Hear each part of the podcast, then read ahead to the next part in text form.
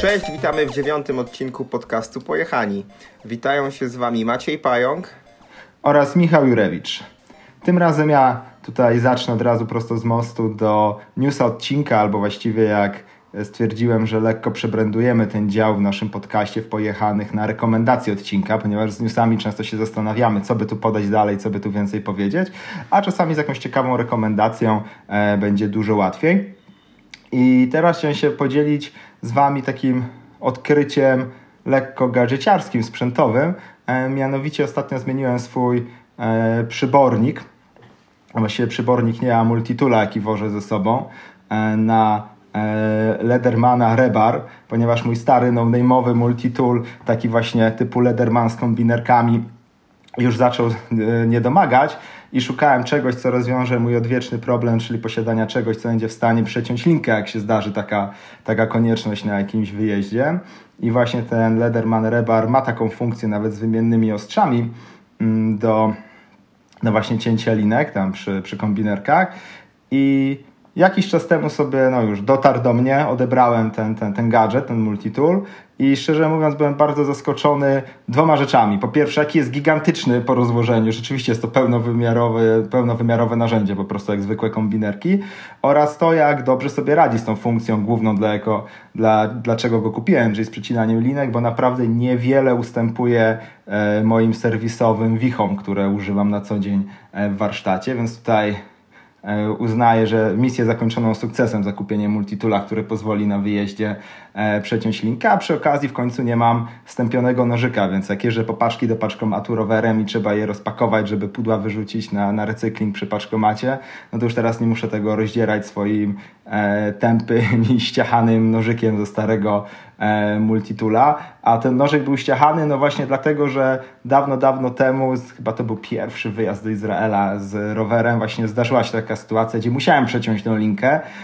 no i niestety tamten badziewiak nie miał takiej no opcji, żeby te przeci przecinaczki do linek jak cokolwiek sensownego były w stanie zrobić, więc no zrobiłem to taką metodą z partyzanta, czyli nóż i duży kamień i odpowiednio długo trzaskać tym kamieniem i w nóż, żeby w końcu się przeciąć. Wtedy, o, na wtedy nie linkę, pancerz potrzebowałem uciachać właśnie. E, dało się, ale niestety z tego noża już niewiele zostało i bardzo źle mi się paczki rozpakowywało pod, pod paczkomatem. Zrobiłem ostatnio e, upgrade, za tam trochę ponad dwie stówki w jakiejś tam promocji około świątecznej i muszę przyznać, że nie narzekam. Więc jak ktoś się rozgląda za jakimś takim właśnie ciekawym multitulem w miarę rozsądnych pieniądzach, e, markowym i całkiem zgrabnym, to myślę, że mogę jak najbardziej polecić, chociaż na razie używam no dość niedługo, więc jak będzie z trwałością, to zobaczymy ale jest to typowy taki scyzorek z kombinerkami. Nie jest to multitool, w którym masz jeszcze imbusy, torsy inne rzeczy do roweru. To jest taki, no, wyprawowy. No, taki nazwijmy to leśno-survivalowy multitool. Tak, nie w takim e, e, jakby kontekście rowerowym, tylko takie właśnie no, kombi rozkładane kombinerki, które w rączkach jeszcze mają tam jakieś parę parę narzędzi, Dość, ale bardzo sensowne mają te narzędzia w tych rączkach. Poza kombinerkami to na przykład e, śrubokręt krzyżakowy i dwa płaskie są na tyle spoko, że szczerze mówiąc e, wyrzuciłem ze swojego rowerowego przybornika bity właśnie płaskie i krzyżaki, bo stwierdziłem, że są, że są zupełnie niepotrzebne, więc po prostu, żeby tyle tego nie wozić, to, e, no to tamte w kolei już zostawiłem w domu. No, ale tak, taki survivalowy przybornik. Link do tego umieścimy oczywiście w notatkach do tego odcinka. Zobaczycie, jak to wygląda i co Michał sobie sprawił, jaki przybornik, z którego oczywiście wszyscy na wyjazdach będziemy korzystać. Wiadomo, że jedna osoba wozi, a wszyscy korzystają, no ale właśnie o to, o to w tym wszystkim chodzi. Przejdźmy teraz do tematu odcinka, w którym porozmawiamy o technice jazdy. I tutaj przede wszystkim poruszymy jeden problem związany z techniką jazdy, mianowicie to, że często poradniki, z jakimi się spotykacie w internecie, są dawno zdezaktualizowane. I to się często objawia na naszych szkoleniach techniki jazdy, gdzie przychodzą do nas ludzie na szkolenia, e, którzy gdzieś tam wcześniej sobie uczestniczyli w innych szkoleniach, czy też przeglądali jakieś filmiki na YouTubie, czytali poradniki w gazetach i kiedy już na pierwszej sesji, którą sobie tam ćwiczymy, albo na drugiej, e, zadają pytanie, ale jak to? Przecież to jest zupełnie inaczej niż widziałem na, GMB, na GMBN-ie, czytałem w jakiejś gazecie i, i tak dalej, i tak dalej. A my mówimy, no tak to, no, tamte po prostu techniki, które z którymi się spotkałaś, spotkałeś w jakimś poradniku, filmie, one były może i aktualne, ale powiedzmy, że 20 lat temu, kiedy rowery wyglądały zupełnie inaczej, a teraz między innymi przez to, że sprzęt się bardzo mocno zmienił, rowery wyglądają zupełnie, zupełnie inaczej, inny, inny przekrok, inna geometria, inne zawieszenie. Też się zmieniła technika jazdy, po prostu nowoczesne rowery pozwalają na więcej e, i trzeba też trochę inaczej jeździć, żeby to wykorzystać. Tak jak starą ręczną wiertarkę typu korbka się trochę inaczej obsługiwało niż e, jakąś nową akumulatorową, więc to po prostu narzędzie trochę definiuje to, jak z niego, jak z niego korzystamy i będziemy chcieli właśnie umówić się takie największe mity, e, zdeza najbardziej zdezaktualizowane e, techniki jazdy, które niestety jeszcze cały czas są bardzo często e, powielane. I tutaj może oddam głos pająkowi, żeby sobie wybrał, wybierz pierwszy taki, pierwsze zagadnienie, pierwszy mit, który chciałbyś poruszyć. Myślę, że pierwszy i w zasadzie najistotniejszy to będą zakręty jednonożne versus dwunożne. Co to znaczy? To znaczy, że w zasadzie we wszystkich albo w większości poradników spotkacie się z tym, że wchodząc poprawnie w płaski zakręt, pochyla się rower pod sobą i co robi? Obniża zewnętrzną nogę. My teraz z tym walczymy zupełnie inaczej teraz uczymy, jak jeździć, jak pokonywać zakręty. Jakie są różnice? No przede wszystkim nie opuszczamy zewnętrznej nogi na sam dół, w zasadzie zostajemy równo na dwóch nogach. Co to znaczy równo na dwóch nogach? To znaczy, że owszem, pochylamy rower, trochę te korby pracują jak wahadło, ale względem gruntu nogi, pedały, stopy są cały czas na jednej wysokości. Co to daje? Pierwsza podstawowa rzecz. Dużo łatwiej nam jest dostosować pochylenie roweru do tego, do zakrętu, czyli jak mocno pochylamy rower. Jak mamy delikatny zakręt, dużo łatwiej jest wtedy ten rower przechylić po prostu lżej. Jak mamy mocny zakręt, to dużo łatwiej jest pochylić ten rower mocniej i nie walczymy wtedy z rowerem. Druga rzecz. E, często mamy w terenie dużo szybkich zakrętów jeden po drugim. Jeżeli tą nogę musimy opuszczać, to trzeba to naprawdę było bardzo, ale to bardzo dobrze dostosować timing, żeby nadążyć po prostu za zakrętami. Teraz jak stoimy równo na dwóch nogach, cały czas jesteśmy w równowadze, to nie ma z tym problemu. Rower, nie walczymy z rowerem. Trzecia rzecz, w terenie, jak mamy chociażby zakręty już na jakichś nierównościach, są kamienie, korzenie. Opuszczając zewnętrzną nogę, tak czy siak, nawet jak mocno pochylimy rower, to korba opuszczona razem z naszą stopą, pedałem jest po prostu dużo bliżej gruntu, przez co dużo łatwiej jest zahaczyć po prostu o grunt, no i spaść wtedy z roweru. To są takie najważniejsze trzy aspekty, które różnią te sposoby skręcania. Czy Michał, chcesz jeszcze coś dodać do samych zakrętów? Czym się różnią? Mm, tak, bo przede wszystkim myślę, że warto dopowiedzieć, skąd się w ogóle wzięło to opuszczanie nogi. E, jak to, jak to się stało, że powstała ta technika stawania na jednej zewnętrznej nodze w zakręcie. Mianowicie na, jak w starych rowerach, które miały gigantyczne ramy z ogromnym szosowym przekrokiem, e, dodatkowo wysokie siodło, którego się nie dało opuścić na zjazd, E, powodowało, że to, była, że to był jedyny sposób, żeby zrobić sobie miejsce, żeby móc pochylić rower pod nami i przejść na boczne klocki e, opony. Po prostu się inaczej nie dało pochylić roweru pod nami, jeśli nie zrobiliśmy e, na to miejsca, stając na tej jednej zewnętrznej nodze. I wtedy, owszem, tak trzeba było. Jednak, tak jak już tutaj wcześniej wspominałem, rowery się zmieniły, przekrok jest dużo niższy ramy, e, siodła już mamy opuszczane z manetki, czyli właściwie nie jeździmy nigdy z jazdu z wysokim siodłem. Dzięki temu mamy bez problemu na tyle dużo miejsca e, między tutaj kolanami, między udami, że możemy zostać z równo dociążonymi nogami, tyle samo ciężaru ciała na lewym, jak i na prawym pedale, a jednocześnie mieć nadal miejsce do e, pochylenia roweru pod nami.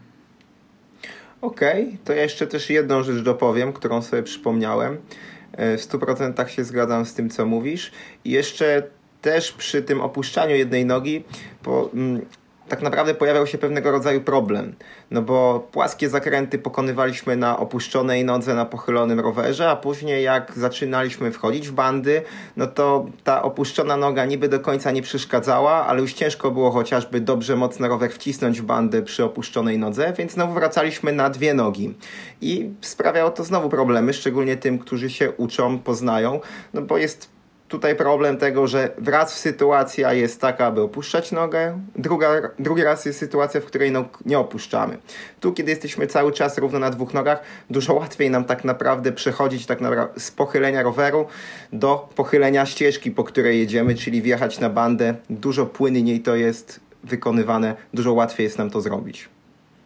Tak, tu jeszcze można spokojnie dopowiedzieć, a właściwie warto dopowiedzieć, e, że to, co mamy tutaj na myśli, mówiąc, że pochylamy rower pod sobą, zostając równo na dwóch nogach, to wcale nie oznacza, że pochylamy się razem z, ro- pochylamy się razem z rowerem, maj- mając sztywno korby, z, jakby w sztywnej pozycji korby do ramy, e, bo to też jest zupełnie, zupełnie co innego. Więc tutaj mówimy nadal, że zostajemy przy pochylaniu roweru pod nami, jeśli nie mamy profilu.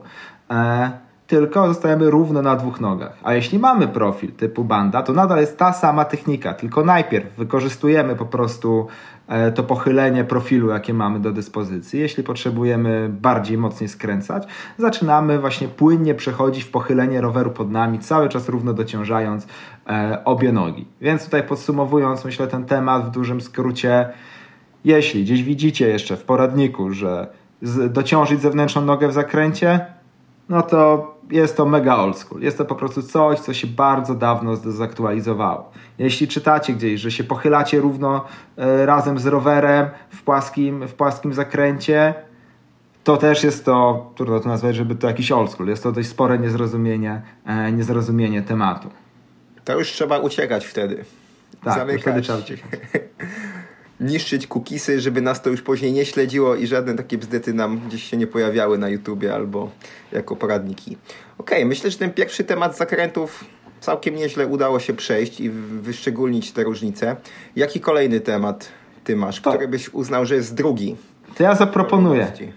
Ale jak to? Nie odchylamy się do tyłu? No tak to, nie odchylamy się do tyłu. Czyli przejdziemy do dropów. Do podstawowej techniki radzenia sobie z progiem na jakimś tam zjeździe. Progiem, czyli po prostu jedziemy, jedziemy, jedziemy, nagle się nam ścieżka obniża, czyli taki krawężnik. Czasami 10 cm, czasami 5 metrów.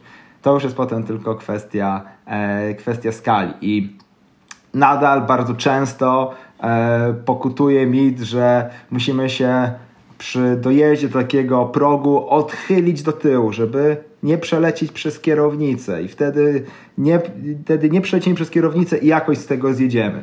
I ten mit jest nadal bardzo często powtarzany. Tutaj wszelakie poradniki internetowe, how to drop in 5 minutes, e, publikowane przez GMBN i inne tego typu klimaty, powoduje dużo szkody, ponieważ odchylanie się do tyłu powoduje, że tracimy zakres na rękach, który umożliwia doklejenie roweru do ziemi, jego wypuszczenie roweru, a nam zostanie w równowadze i z, przez to zwiększa ryzyko przelecenia przez kierownicę, czyli tym bardziej odchylamy się do tyłu na jakimś właśnie progu dropie, tym bardziej ryzykujemy to, że przelecimy przez, e, przez kierownicę. Więc to jest taki stary mit, który też się oczywiście wziął z tych starych rowerów w ogromnej ramie z wysokim siodłem, bo inaczej się po prostu nie dało zostać w równowadze, jak się nie odchyliło do tyłu i tyłka dało, nie dało za siodło, tylko to się dawno zdezaktualizowało. Teraz po prostu na dropie zostajemy równo na nogach, cały czas ciężar, e, ciężar ciała na nogach i miękko, płynnie po prostu przejeżdżamy. Nieważne jaki wysoki drop, po prostu przejeżdżamy.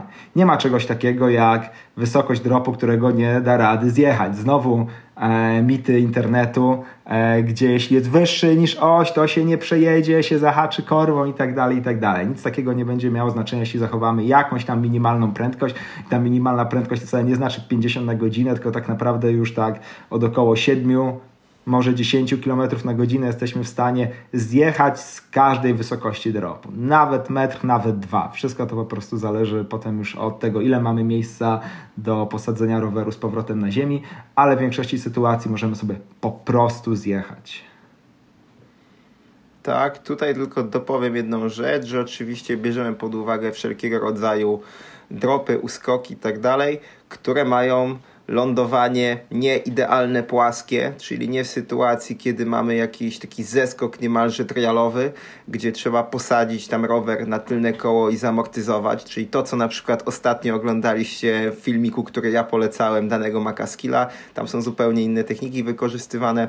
Chodzi tutaj po prostu o jazdę, gdzie yy, mamy yy, pochyłe lądowanie, a przynajmniej o takim nachyleniu, po którym dojeżdżaliśmy z tymi dropami i z tymi wszystkimi mitami, o, którymi, o, o których ty wspomniałeś, no właśnie są pewnego rodzaju jeszcze niedopowiedzenia, bo tutaj można zwrócić uwagę na takie dwie, dwa aspekty, które może jeszcze później rozwiniemy. To znaczy pewne niedopowiedzenia, to znaczy to, co GMBN mówi chociażby o odchylaniu się do tyłu, nie jest taką mega nieprawdą, pod warunkiem, że powiedzieliby, że trzeba na przykład w trakcie lotu wrócić do równowagi, aby nie lądować odchylonym do tyłu.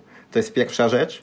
Druga rzecz to jest właśnie takie jeszcze mega uproszczanie w kontekście coś jest przejeżdżalne bądź nie przy jakiejś wysokości, a wszystko tak naprawdę zależy od naszej prędkości. No, jeżeli będziemy jechać 2-3 na godzinę, to owszem, tak naprawdę już krawężnik będzie twardy, a coś, co będzie miał 50 cm, to przy zerowej prędkości rzeczywiście zadziobakujemy, będzie problem. Ale przy już, tak jak powiedziałeś, przy wyższej prędkości niemalże każda, w zasadzie każda wysokość będzie przejeżdżalna, a tak naprawdę będzie się dało z tego zeskoczyć. I teraz może się tutaj pojawić e, pytanie, e, no ale przecież odchylam się do tyłu i jakoś sobie zjeżdżam i daję sobie radę, no to jeśli działa, to po co, e, po co to zmieniać? Mm. Tutaj, tak jak wspominałem, to odchylanie do tyłu ogranicza nasze możliwości. I owszem, jeśli ten drop nie jest jakiś mega trudny, wielki czy coś, to nie robi, dużych, nie robi to dużych problemów, ale powoduje, że musimy na tym zjeździe robić więcej. Kosztuje to naszą uwagę, kosztuje to nasze zaangażowanie. I jeśli przez takie odchylenie się do tyłu, potem ewentualny powrót do przodu, poradzimy sobie z jednym takim zeskokiem, no tak mamy ich na przykład pięć pod rząd, no to już po prostu nie zdążymy odzyskać tej równowagi na drugim, trzecim czy czwartym i w końcu gdzieś to wszystko posypie. A zmieniając naszą technikę na taką bardziej uproszczoną, trudno powiedzieć, że uproszczoną, ale taką, która wymaga dużo mniej ingerencji od nas, że nie musimy tutaj pilnować timingu, dodatkowych ruchów robić, tylko po prostu się rozluźniamy i przyjeżdżamy w równowadze, powoduje, że jesteśmy cały czas gotowi. Nieważne, czy będziemy mieli 50 dropów jeden za drugim, e, czy tylko jeden na, na, na 5 kilometrów, tak samo sobie je gładko, gładko przejedziemy, nie będziemy ryzykować tego, że się gdzieś nam tutaj noga powinie w timingu, w sile ruchu i tak dalej, i tak dalej. E, ale owszem, dotyczy to e, takich sytuacji, gdzie po prostu sobie zjeżdżamy. Nie my właśnie tutaj, jak Pan wcześniej wspomniał, nie mówimy tutaj o zeskakiwaniu z właściwie ze stójki z murka na, na chodnik, tylko po prostu jak jedziemy po ścieżce. Jeszcze tutaj tylko dopowiem jedną rzecz, że rzeczywiście nie ma sensu utrudniać sobie życia, szczególnie jak się uczymy. Jeżeli mamy do wykonania 3-4 ruchy, a musimy jeszcze je zgrać w czasie, dostosować do tego, z jaką prędkością jedziemy, będzie dużo trudniej to zrobić, niż na przykład coś przejechać, czy zrobić, jak, wykonać jakiś element, który tak naprawdę wymaga dużo mniej naszej uwagi i dużo mniej zaangażowania. Ok? Jeszcze jakąś jedną rzecz dopowiemy, bo w sumie mam pomysł, żeby jeszcze mówić hamowanie. Ona też tutaj z tym odchylaniem do tyłu ma sporo wspólnego. O, myślałem, że wybierzesz pompowanie tak naprawdę e, jako kontynuację, ale okej, okay. niech prze, przejdźmy przez hamowanie w takim razie, śmiało. No to z hamowaniem jest bardzo podobna sytuacja jak z dropami, dlatego e, te, od tego jakby teraz zacząłem ten, ten trzeci element. Mm, też w większości poradników i filmów jest pokazane, że w trakcie mocnego hamowania powinniśmy się bardzo mocno odchylić do tyłu. Tyłek powinien być za siodłem, niemalże nad tylną osią, tak żeby za wszelką cenę nie, nie dać się przerzucić przez kierownicę, nie zrobić tak zwanego OTB. No i też wszystko było fajnie. E, dopóki tak naprawdę nie zorientujemy się, że w momencie, kiedy zaczniemy naprawdę dynamicznie hamować, kiedy odchylimy się bardzo mocno do tyłu, to przy założeniu, które już podaję tutaj jako dogmat, bo nie będę go może mocniej omawiał, że przednim hamulcem hamujemy mocniej i na przednim kole mamy dużo więcej przyczepności, to odchylając się do tyłu przy hamowaniu, za bardzo odchylając się do tyłu, tak naprawdę tracimy tą przyczepność tracimy możliwość skutecznego hamowania. I to, co my uczymy, to przede wszystkim pierwszą rzeczą, którą powinniśmy zrobić w trakcie hamowania, to się obniżyć. Dlaczego się obniżyć? Bo zmniejszamy tak naprawdę tą siłę, która działa na nas i próbuje nas wyrzucić przez kierownicę. Dopiero w momencie, kiedy samo obniżenie się do roweru nie, nie jest wystarczające, aby nas nie wyrzuciło do przodu, nie wyrzuciło przez kierownicę, możemy zacząć przechylać się do tyłu, czy w zasadzie odchylać się do tyłu. Ale ważne jest to, żeby z tym nie przesadzić. E, Obrazując to, nie możemy zrobić motorówki, czyli nie możemy dopuścić do sytuacji, w której przedni amortyzator w trakcie hamowania jest w zasadzie całkowicie wyprostowany, bo to oznacza, że nasze przednie koło w zasadzie nie ma przyczepności do hamowania i nie będziemy w stanie skutecznie hamować. Oczywistym też jest to, że czym będziemy mieli stromszy zjazd i czym na stromszym zjeździe będziemy hamować, tym ta nasza pozycja już wyjściowa tak naprawdę do hamowania będzie bardziej przesunięta do tyłu. No więc będzie to wyglądać tak, że jesteśmy mocniej z tyłu, ale bardzo ważne jest to, żeby na samym początku hamowania nie przesadzać z tym, nie wyrzucać tego roweru przed siebie i nie dopuścić do odciążenia przedniego koła. Tutaj dotknąłeś trochę niebezpiecznego tematu i takiego uproszczenia, gdzie to, które może, żeby temu zapobiec, powiem nie, nie odchylamy się do tyłu na, na, na stromych zjazdach. Nie odchylamy się do tyłu. I e, wracając do hamowania, tak naprawdę jeszcze raz dopowiem, do tyłu rzadko kiedy, a jak już, to prawie wcale. Najpierw mocno w dół, żeby się schować za kierownicą. Chowamy się za kierownicą, żeby nie mieć tego, e, nie, żeby nie, nie mieć tego poczucia, że przelecimy przez kierownicę. Jak się za nią schowamy, to nie będziemy przez nią przelatywać. E, jak, jak już naprawdę bardzo mocno jeszcze cały czas naściśnie kierownicę, ewentualnie trochę cofamy biodra do tyłu, ale minimalnie, czyli tak, żeby nadal zapewnić odpowiednie dociążenie przedniego koła, które jest naszą główną siłą e, no, hamującą. To Jak tyle, to jeśli chyba o zrobić, jeszcze hamowanie. Dopowiem, to ja tylko No. dopowiem jeszcze jedną rzecz. Jak to zrobić, żeby całego ciężaru ciała nie próbować utrzymać na rękach w trakcie hamowania, no bo tak może się zdarzyć w trakcie tylko i wyłącznie obniżenia się. Mocno dociążamy pięty, tak naprawdę cały ciężar ciała staramy się trzymać na nogach w trakcie hamowania, a nie na rękach. Rękami tak naprawdę na zjazdach terenowych będziemy musieli w dalszym ciągu amortyzować nierówności. Nogami zresztą też, ale nogi są dużo silniejsze i dużo łatwiej nam jest utrzymać swój ciężar ciała na nogach w trakcie hamowania. I w trakcie jazdy oczywiście znowu też, żeby tutaj nie, opra- nie upraszczać nie, nie pójść w sytuację, że tak to normalnie nie, nie utrzymujemy ciężaru ciała na nogach. Chodzi mi o to, żeby po prostu mocno obniżyć pięty i zaprzeć się nogami o pedały w trakcie hamowania, a nie tylko blokować cały ciężar ciała na rękach. Po prostu w trakcie hamowania mm, ten opór i ta siła na ręce będzie bardzo mocno się zwiększać i nie będziemy w stanie utrzymać naszego ciężaru ciała tylko rękami. Okej, teraz to, ponieważ trochę tutaj zaczęliśmy ruszać ten temat pozycji na zjeździe, stromym zjeździe, podjeździe, który nam trochę umknął na początku, a może powinniśmy od tego zacząć. Trochę nam umknął, bo on się coraz rzadziej pojawia tak naprawdę w jakichś poradnikach i artykułach, e, ale w takich ogólnych prawdach internetu, a szczególnie e, w poradach bardzo niemiłych znajomych się cały czas pojawia bardzo, bardzo często, e, więc może do tego trochę nawiążmy, co nie? Okej, nie wiem o jakich niemiłych znajomych ci szczerze mówiąc chodzi, ale zakładam, że chodzi ci po prostu o pozycję i o tym, jaka powinna być wyjściowa pozycja do jazdy na rowerze, czyli jak powinniśmy stanąć. I teraz w zasadzie wszystkie te nasze techniki, o których opowiadaliśmy, polegają i zakładają jedną podstawową rzecz, że co by się nie działo w trakcie jazdy na rowerze, to musimy być w równowadze. Moim zdaniem już nie ma sensu tu i teraz opowiadać dokładnie, jak mamy nogi, jak mamy ręce ugięte i tak dalej, ale najważniejsze jest to, żeby cały ciężar ciała jadąc na rowerze trzymać na nogach. Jadąc na rowerze, znowu wytłumaczę jedną rzecz, nie siedząc i podjeżdżając sobie, czy jadąc sobie po szutrze, tylko jak cokolwiek się zaczyna dziać, wstajemy z pedałów, obniżamy sobie siodło, bo zaczynamy wjeżdżać w jakiś teren, coś się będzie działo, to stoimy równo na dwóch nogach, czyli pedały są na równej wysokości, korby są poziomo na równej wysokości, obie nogi są na równej wysokości, obie nogi są tak samo dociążone i cały ciężar ciała stoi na nogach. Ręce lekko trzymają kierownicę, służą do kierowania, a nie do opierania się o kierownicę. Nie służą także do trzymania się kierownicy, żeby nie spaść do tyłu. Czyli w trakcie jazdy o to, co nam chodzi z równowagą, to jest utrzymywanie całego ciężaru ciała na obu nogach. Więc jeśli jak zaczynasz jeździć na rowerze i ktoś, jakiś, dob jakiś dobry znajomy cię mówi, że na zjeździe tyłek za siodło do tyłu, to jest właśnie ten niemiły znajomy, to jest właśnie ten zły znajomy. I przestać go słuchać, zerwać z nim kontakt, nie zadawać się. Eee, I zacząć jeździć tak, jak należy. To najczęściej jest też niemiły mąż, niemiły chłopak. To też jest bardzo częsty niemiły znajomy, tym bardziej niemiły, że czyhacz na nasze zdrowie i życie. Zapisać jako notatka przyda się na sprawie rozwodowej. Okej, okay, więc tutaj e, sporo powiedzieliśmy. Zresztą chyba nie z jednej strony sporo powiedzieliśmy, ale już było słychać, że cały czas coś chcemy dopowiedzieć, cały czas chcemy dorzucić jakieś szczegóły, jednocześnie w miarę rzeźko iść z tematami.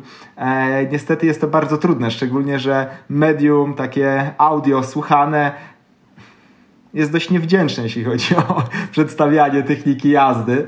E, zobaczymy, jakie będą Wasze odczucia z przesłuchania tego, czy cokolwiek idzie zrozumieć, ale mam nadzieję, że przynajmniej uczulimy na kilka takich e, mitów, które są dawno zdezaktualizowane, a niestety ciągle gdzieś istnieją, ciągle możemy się z nimi spotkać.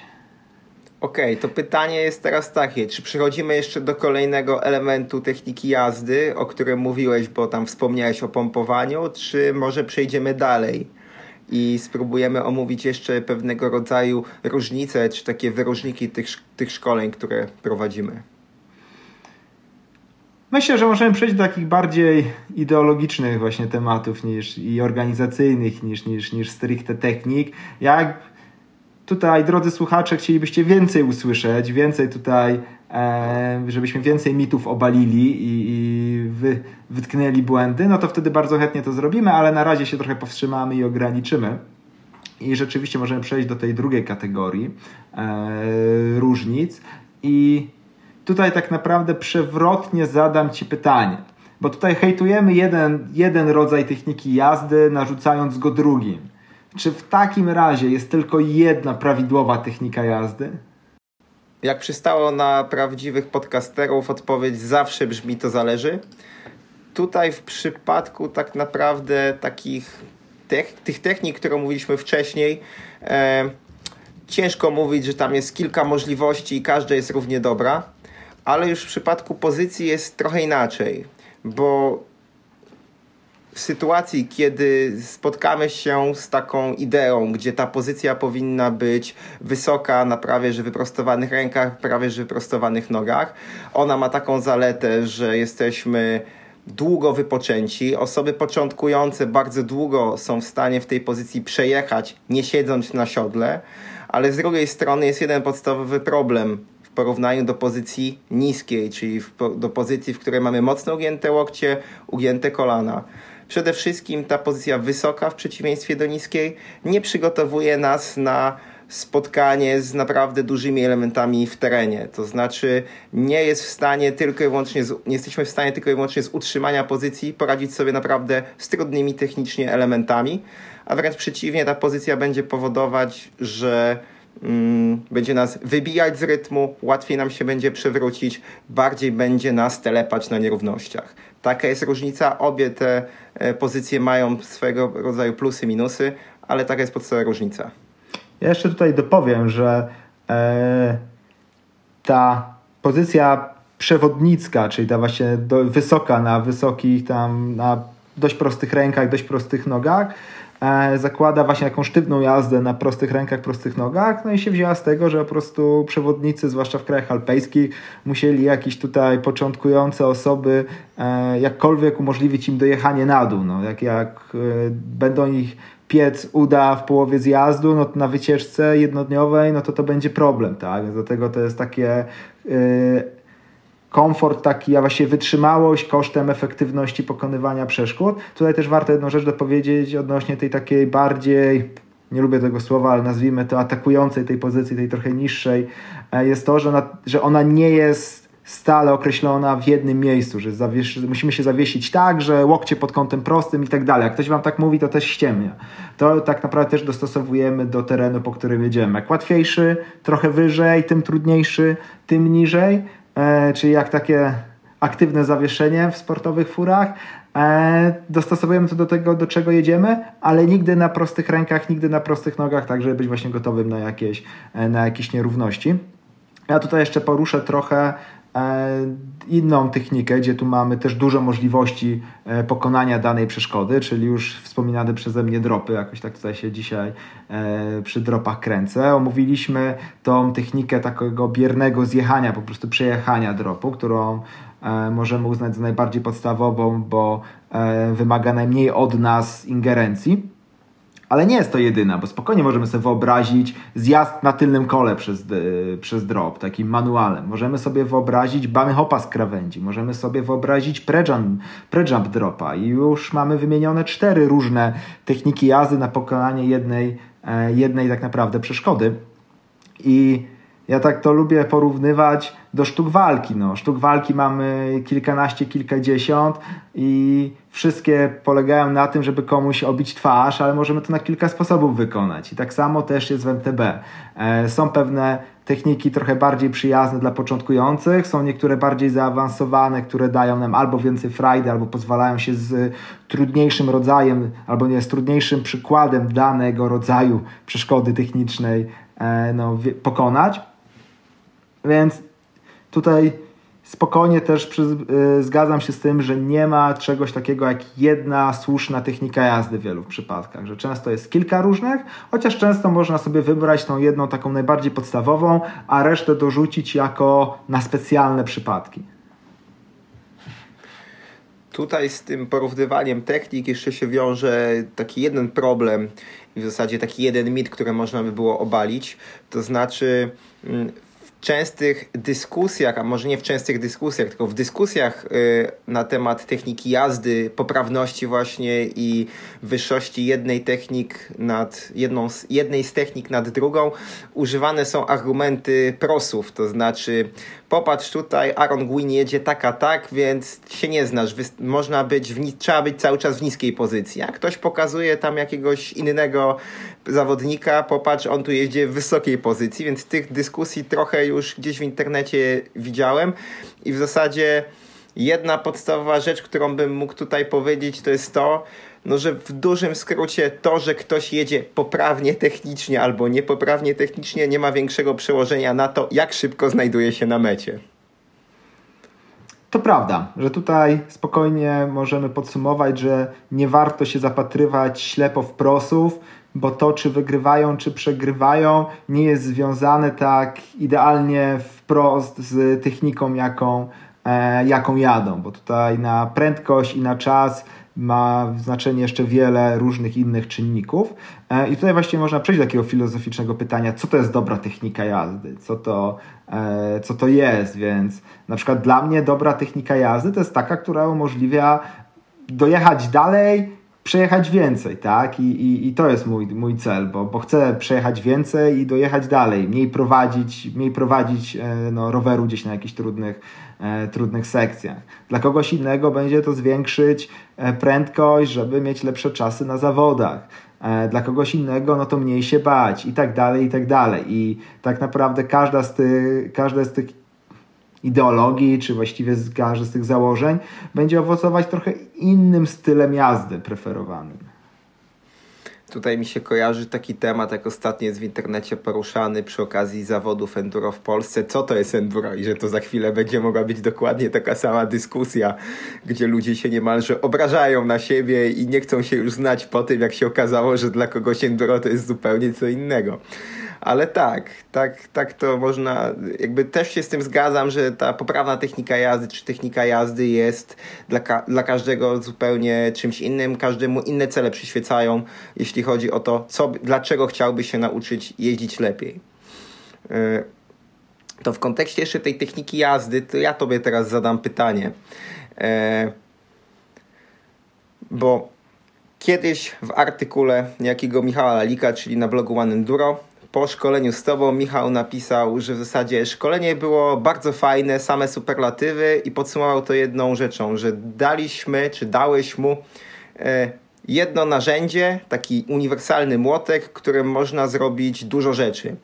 I czy mógłbyś to rozwinąć? O co chodzi i, i dlaczego tak naprawdę, mm, co to jest ten uniwersalny młotek? Tak, to jest takie założenie młotka i że jak, jak masz młotek, to wszystko wygląda jak gwóźdź, e, które e, mamy bardzo mocno tak naprawdę tutaj w, głowach, układając już całe programy szkoleń, e, bo chodzi o to, żeby stosować i mieć do dyspozycji w naszym tutaj repertuarze techniki jazdy możliwie jak najwięcej, zwłaszcza na początku tego takiego no, rozwoju mountain bikera, mieć jak najwięcej uniwersalnych e, narzędzi, czyli żeby móc e, jedną techniką jazdy, opanowaniem kilku podstawowych ruchów, e, poradzić sobie w jak najszerszej ilości, ilości sytuacji. Czyli jeśli już nauczyliśmy się e, dobrej pozycji biernej amortyzacji, to starać się to przekuć tak, żeby zjechać tą bierną amortyzacją przez wszelakie dropy, wszelakie zakręty, nierówności, żeby sobie poradzić w jak największej ilości górskich, e, górskich szlaków. Dzięki temu możemy po prostu e, bardzo mocno szlifując tylko jedną technikę, zwiększyć naszą skuteczność, skuteczność jazdy. I e, tutaj przyznaję, że jest to bardzo często w kontrze do e, wielu różnych poradników internetowych czy, czy w prasie, ponieważ często jest tak, że MTB wpada w pułapkę na każdy rodzaj kamienia inna technika. Inaczej się mamy zachować na każdym innym kamieniu. No to powoduje, że potem dojeżdżamy i nie wiemy jak się zachować, bo którą teraz kartę z naszej talii umiejętności wyciągnąć. A mając takie po prostu jedno uniwersalne narzędzie, jakiego jokera, który pasuje do wszystkiego, można sobie bardzo łatwo wszystko uprościć. Owszem, musimy tego jokera bardzo dobrze wyszlifować i go mieć bardzo dobrze opanowanego, żeby mieć go zawsze w zanadrzu, e, ale potem możemy możemy rzeczywiście wszystko oblecieć tą jedną kartą, czy też właśnie jednym młotkiem i potem wszystko jest dla nas gwoździem, tak? Czyli bierzemy i dropa tym młotkiem, i garby tym młotkiem, i, i kolejne tym młotkiem, i tak dalej, i tak dalej. Wszystko tym młotkiem sklepujemy, żeby gładko po tym przejechać. Tak, no to to mi od razu skierowało moje myśli na taką e, ideę, którą też cza czasem przekazujemy, że nie ma za bardzo co myśleć tak naprawdę w trakcie jazdy o tej jeździe za dużo. W zasadzie wystarczy odpowiadać sobie na jedno pytanie: omijam czy przejeżdżam, omijam czy przejeżdżam. I to jest też znowu taka forma uproszczenia tego naszego wiecznego zastanawiania się, e, co tutaj zrobić. Ja tu jeszcze mam taką jedną rzecz do powiedzenia dotyczącą w ogóle szlifowania techniki jazdy, która w zasadzie, która spłynęła na nas gdzieś w październiku, kiedy ja byłem na szkoleniu, ale zupełnie innym. Z szkoleniu takim, a tam bezpieczna jazda samochodem i tak dalej. I potem dosyć długo dyskutowaliśmy i to długo mam na myśli, że nie jakaś tam telefoniczna rozmowa 15 minut, tylko to była taka no, tu 15 minut, tu godzina, tu później kolejne pytanie. E, bo na tym szkoleniu w zasadzie w ciągu 3-4 godzin, tym samochodowym, e, i pohamowałem, i pozmieniałem kierunek, i robiłem jakieś omijania awaryjne i tak dalej. Mm, no i Michał zadał mi pytanie, ale to moment, moment. My tutaj, jak próbujemy robić szkolenia techniki jazdy, to na pozycję na rowerze poświęcamy w zasadzie pół dnia pierwszego, pierwszego dnia szkoleń wiedź w teren, a w zasadzie można powiedzieć, że prawie cały, a ty pozycję miałeś 15 minut. O co to chodzi? No i w pewnym momencie zorientowaliśmy się, że to szkolenie samochodowe, na którym ja byłem, to nie było szkolenie techniki jazdy rowerem górskim, aby jak najbardziej efektywnie przejeżdżać po każdym możliwym terenie, tylko to było takie szkolenie dla osób, które na co dzień poruszają się rowerami miejskimi po mieście. Oczywiście sobie radzą, no bo przejeżdżają z pracy do domu, z domu do pracy i dostają, dostaje każdy taki uczestnik jego szkolenia dla rowerzystów miejskich dostaje parę uwag, jak na przykład wysoko ustawić siodło, jak e, daleko powinien być od kierownicy, czy może ta kierownica nie powinna być wyżej albo bliżej. No i co zrobić, jak na przykład przednie koło nam gdzieś ucieka na śliskim zakręcie albo na szutrze, lekko pochylić się do przodu, w ogóle siedząc na, na siodle, więc to było tego typu szkolenie, więc jeżeli byliście na jakichś szkoleniach, chociażby takich samochodowych i myślicie, że... Mm, tutaj przyjedzie, zaczniecie sobie sami trenować technikę i wszystkie rzeczy naraz będziecie w stanie opanować trochę tak jak w samochodzie, a nawet nie opanować, tylko liznąć, no to tutaj przy technice jazdy na rowerze górskim jest zupełnie inaczej. Jeżeli chcemy to robić naprawdę dobrze, to znowu odwołując się do sztuk walki, trochę jak yy, w kung fu, trzeba szlifować pojedyncze ruchy bardzo długo do perfekcji, tak żeby to weszło w nam w nawyk i w odruch warunkowy, wyzbyć się tak naprawdę najpierw starych i złych nawyków, co jest bardzo blokujące w kontekście znowu umiejętności jazdy na rowerze i dopiero potem po opanowaniu najprostszych elementów da się jeździć lepiej. Tak, ja bym tutaj nawet to trochę bardziej zgeneralizował do innych, nie tylko, to nie dotyczy tylko i wyłącznie szkoleń techniki jazdy, e, bo Osobiście zawsze preferuję tego typu, tego typu szkolenia. Bardzo nie lubię takiego wprowadzenia po łebkach, ciach, ciach, tutaj już niby jakieś grube rzeczy robimy, ale tak naprawdę bardzo na skróty, w ogóle nie wiemy co, jak się dzieje i, i w teorii myślimy, że jesteśmy jakimiś nie wiadomo jakimi mistrzami po 15 minutach z masą, z masą braków albo że nie umiemy tego w ogóle powtórzyć. E, no zdecydowanie więcej w takim długoterminowym tutaj w długoterminowej perspektywie czasu wyciągniemy, jeśli rzeczywiście przejdziemy przez te wszystkie szczególiki na początku, szlifując te poszczególne, poszczególne ruchy i robiąc solidną podstawę, zanim przejdziemy do jakichś grubszych tematów, bo potem po prostu te jakieś niedociągnięcia, yy, które były na początku potraktowane z przymrużeniem oka, potem się na nas zemszczą, a po prostu robiąc to od razu skrupulatnie, od początku, yy, możemy to, możemy po prostu uniknąć wielu błędów, które będziemy utrwalać potem przez wiele lat. Okej, okay, czy w takim razie masz jeszcze jakieś pytania albo coś, co byś chciał tak stricte do, dotyczącego no, naszego głównego tematu dopowiedzieć? Ja mam taką jedną uwagę na sam koniec, ale to w zasadzie może być już zamknięciem podsumowania, ale pytanie, czy ty jeszcze coś byś tutaj chciał dopowiedzieć? Myślę, że nie, że już tak poszliśmy w szczegółach, w teorii w szczegółach, a w praktyce cały czas się powstrzymujemy, żeby nie zacząć wchodzić za bardzo w szczegóły. Myślę, że zostawmy trochę taki szeroki obraz na, na, na razie. To kończąc tak naprawdę ten temat i zaczęliśmy sobie od tego, że gdzieś tam pewnie oglądacie pewne poradniki czy filmy poradnikowe. Mamy dla Was jedną dobrą uwagę. Dokładnie oglądajcie, co robi instruktor na filmie, czy na szkoleniu, czy na jakimś zdjęciu i czy to się zgadza z tym, co mówi. Jeżeli się zgadza z tym, co mówi, to już jest połowa sukcesu, ale jeżeli instruktor mówi jedno, a robi zupełnie co innego, co jest łatwe tak naprawdę do prześledzenia na filmie, bo można sobie go kilka razy cofnąć, to uciekajcie od niego najdalej jak się da, gdzie pieprz rośnie, bo to oznacza, że najprawdopodobniej nie ma zielonego pojęcia o czym mówi. Więc taka rada od nas. Kolejne prawo pojechanych. A jest to nagminne. Jest to naprawdę nagminne, więc. E, a no jest najlepsza, tak jak powiedziałeś, jest to najlepsza metoda weryfikacji, czy mamy tutaj z sensownym instruktorem, sensownym poradnikiem do czynienia. Dobrze, myślę, że temat zakończony. Teraz przejdźmy do tematu odsłuchacza, który będziemy kontynuować jeszcze od zeszłego odcinka. To znaczy, w zeszłym odcinku mieliśmy temat e, dętki versus opony i system bezdętkowy. I tak naprawdę jeszcze mieliśmy powiedzieć coś o oponach, to znaczy coś na temat tego, na jakich jeździmy, jakich używamy i czym kierujemy się w trakcie wy, wyboru opon. No więc możemy go teraz kontynuować i już skupić się tylko i wyłącznie na oponach. E, ty tych prób ostatnio masz dosyć sporo, chociaż trzeba przyznać, że z tego co mi się wydaje, e, cel jest cały czas ten sam, żeby maksymalnie obniżyć wagę i żeby opona była bardzo uniwersalna, ale to, to, to pewnie większość osób tak ma. Pytanie, jakbyś to rozszerzył? Na co zwracasz uwagę w trakcie zakupu opon? Co to jest decydujące? Hmm, to jest, co jest decydujące. To ja może inaczej trochę naświetlę, e, naświetlę no, tak naprawdę ten temat, bo tak od razu wskoczyć, co jest decydujące, to za dużo, wiesz, za dużo linek do pociągnięcia po prostu. E, więc naj, może najpierw może na jakich... Ogólniej, jakich na... w ogóle opon szukasz? Po prostu co jest, co jest w ogóle, jak musisz wejść do sklepu po opony, to na którą półkę idziesz? No. Tak, półka naj, najwyższa to, to, to na pewno. Um, szerokie, i lekkie. To jest, I z dużą, w miarę dużą kostką. Więc yy, nie jest łatwo znaleźć coś, yy, coś takiego. I dawno, dawno temu, kurczę, to już był, który to był rok? 2009, 2010, no już dawno, dawno temu. Yy, bardzo lubiłem opony Continental, wtedy jeszcze pod starą nazwą Rubber Queen. Teraz to się chyba nazywa Trail? Nie, jest Trail King.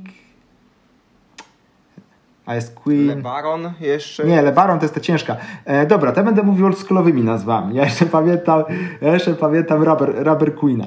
I, i to, były, to były opony, na których do teraz wspominam, że mi się jeździło na nich najlepiej, jeśli chodzi o e, wrażenia z jazdy, ale miały jeden podstawowy defekt. Po prostu byłem w stanie wyrwać e, ten taki sznur aramidowy, który jest na krawędzi e, opony na pierwszych 100 metrach jazdy po singlach w Świeradowie. No i jak już wiedziałem, co trzeba zrobić, żeby go wyrwać, no to potrafiłem 5 sztuk e, zajechać no po prostu jedną za drugą, tak? No, w ciągu jednego, jednego dnia.